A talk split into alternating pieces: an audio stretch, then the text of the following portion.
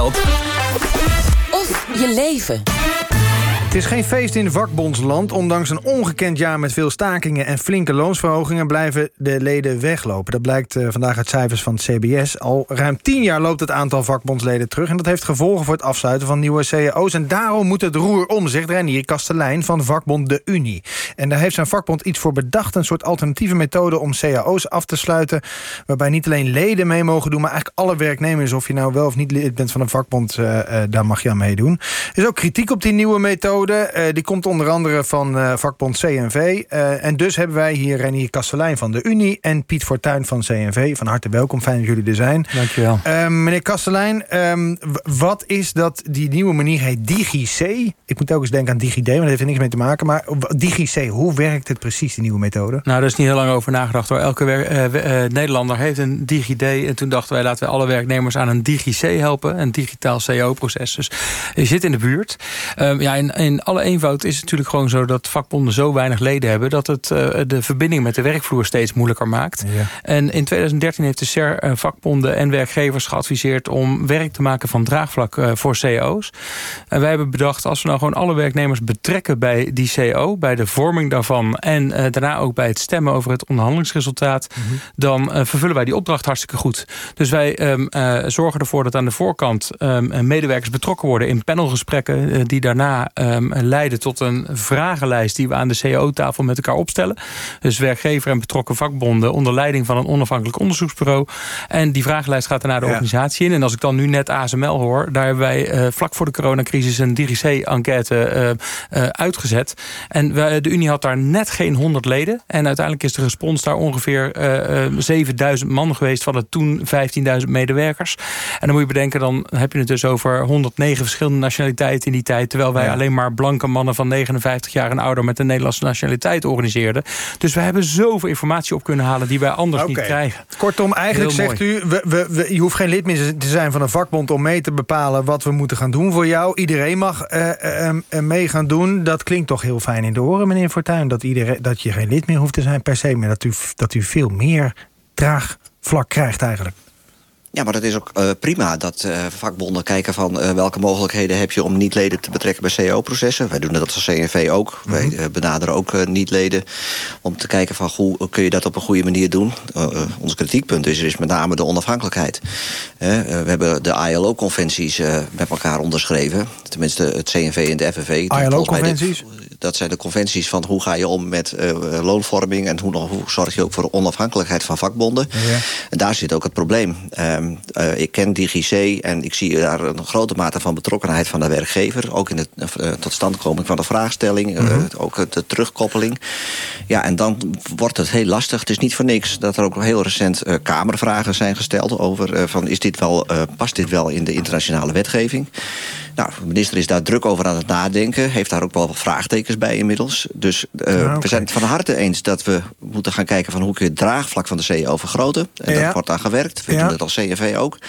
Maar dat moet wel op een onafhankelijke manier. En de werkgever moet zich niet bemoeien met de totstandkoming van de manier waarop okay. uh, de CEO's tot stand komen. Ik ga, ik ga u, want u, u bent hier dagelijks mee bezig. Ik niet en heel veel luisteraars ook niet. Uh, dus ik, ik, ik volg iets van wat de kritiekpunt wat u heeft over die onafhankelijkheid. Maar kunt u het eens concreet maken? Waar, waar, waar wringt de schoen?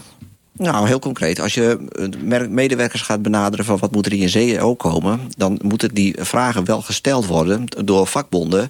En dat mag door vakbondsleden, maar ook door niet-leden. Maar het kan toch niet zo zijn dat de werkgever mede bepaalt... hoe die vragen eruit zien. En dat die werkgever ook mede teruggekoppeld krijgt... van wat zijn de bevindingen van de collega's.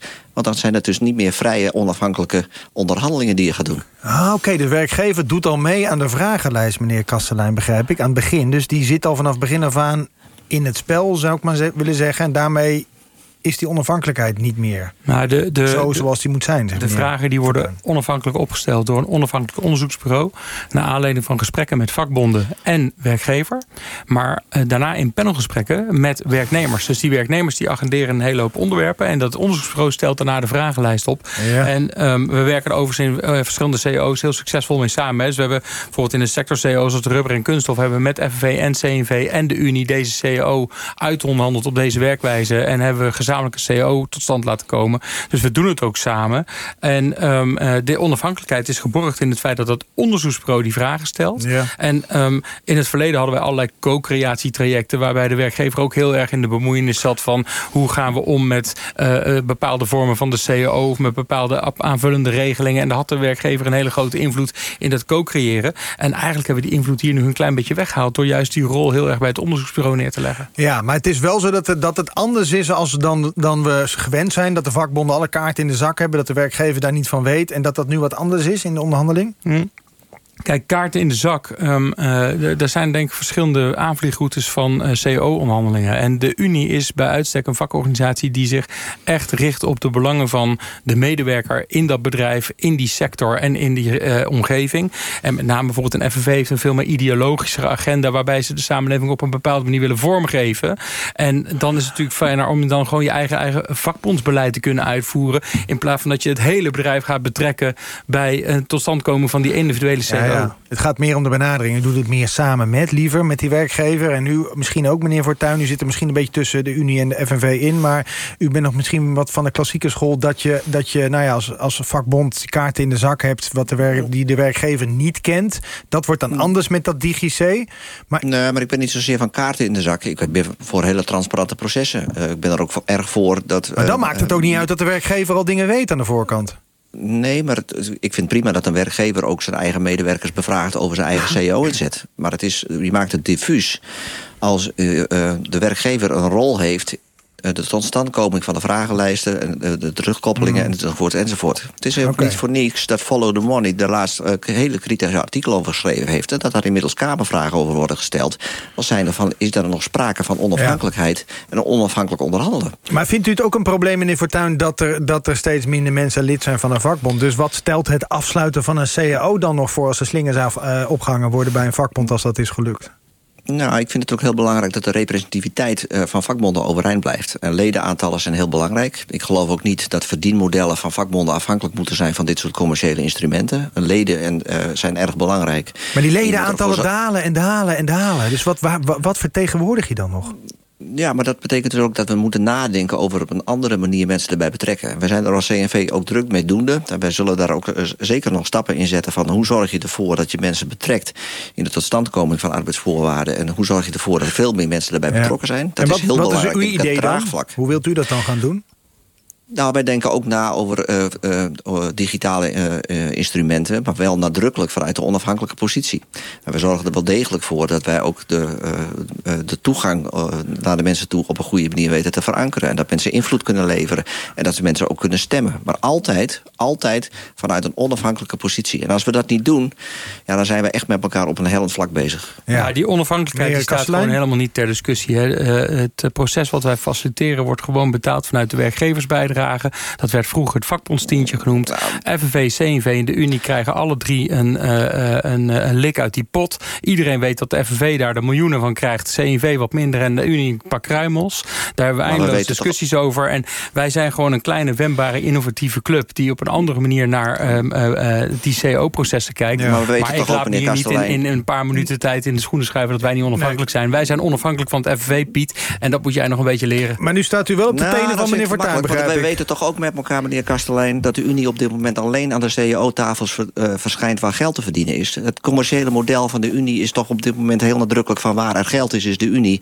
En waar er geen geld is, is de Unie, is de Unie er dan niet meer. Dus dat is een verschuiving van je verdienmodel. En dat mag, dat is een keus. En dat, ja, dat vind ik prima, we leven in een vrij land. Maar het kan niet zo zijn dat de Unie alleen op de tafel komt ja, als er geld is. Gewoon niet waar. Het is, het is gewoon niet waar. Ik weet dat de uitzending te kort is om dit uit te leggen. Maar dit nou, we hebben nog één minuut, zal ik u vertellen. dus zeg maar. Het is heel simpel. Wij hebben de afgelopen jaren uh, netto, of het afgelopen jaar netto 4000 leden ingeschreven. Uh, wij groeien. Wij hebben ontzettend veel plekken waar wij gewoon op basis van het traditionele model werken. En er zijn gewoon plekken waar wij te weinig leden hebben en wel graag een goede CEO ja. willen afsluiten. En dat doen wij op basis van een fatsoenlijke werkgeversbijdrage. En daar zit geen enkel uh, verdienmodel in commerciële okay. zin achter. Maar eventjes nog om een poging te doen. Is, is er nog een optie denkbaar dat, dat er wel een soort dat iedereen mee mag doen van de werknemers? Dat je niet lid hoeft te zijn van een vakbond, maar dat, je, dat, er, werk, dat er on, toch iets meer onafhankelijk onafhankelijkheid gegarandeerd wordt? Kijk even naar u beiden. Ja, ik denk dat wij een heel mooi onafhankelijk model hebben neergezet. Alleen, het, het, ons model is Ja. niet af. um, uh, en dat is work in progress. Oké, helder. Meneer Fortuyn, 20 seconden nog. Z- Zeker gaan wij dat doen. Zeker gaan wij men- mensen betrekken bij het CEO-proces. Dat gaan we op uh, moderne manieren doen. Maar dat doen we altijd vanuit onafhankelijkheid... en niet vanuit verdienmodellen die alleen maar goed zijn voor de organisatie. Ik uh, denk inderdaad dat de uitzending te kort is uh, om dit helemaal uh, uit de doeken te doen. Maar jullie hebben elkaars nummer toch, of niet? Ja, maar Piet Zeker. belt nooit meer. Nee. Krijgen we dat weer. Hè, jullie maken het ook wel lastig, hoor. Wel Goed, nou, des, desalniettemin hartelijk dank. Piet Fortuyn van vakbond CNV en Renier Kastelein van vakbond De Unie. Tot zover geld of je leven voor vandaag.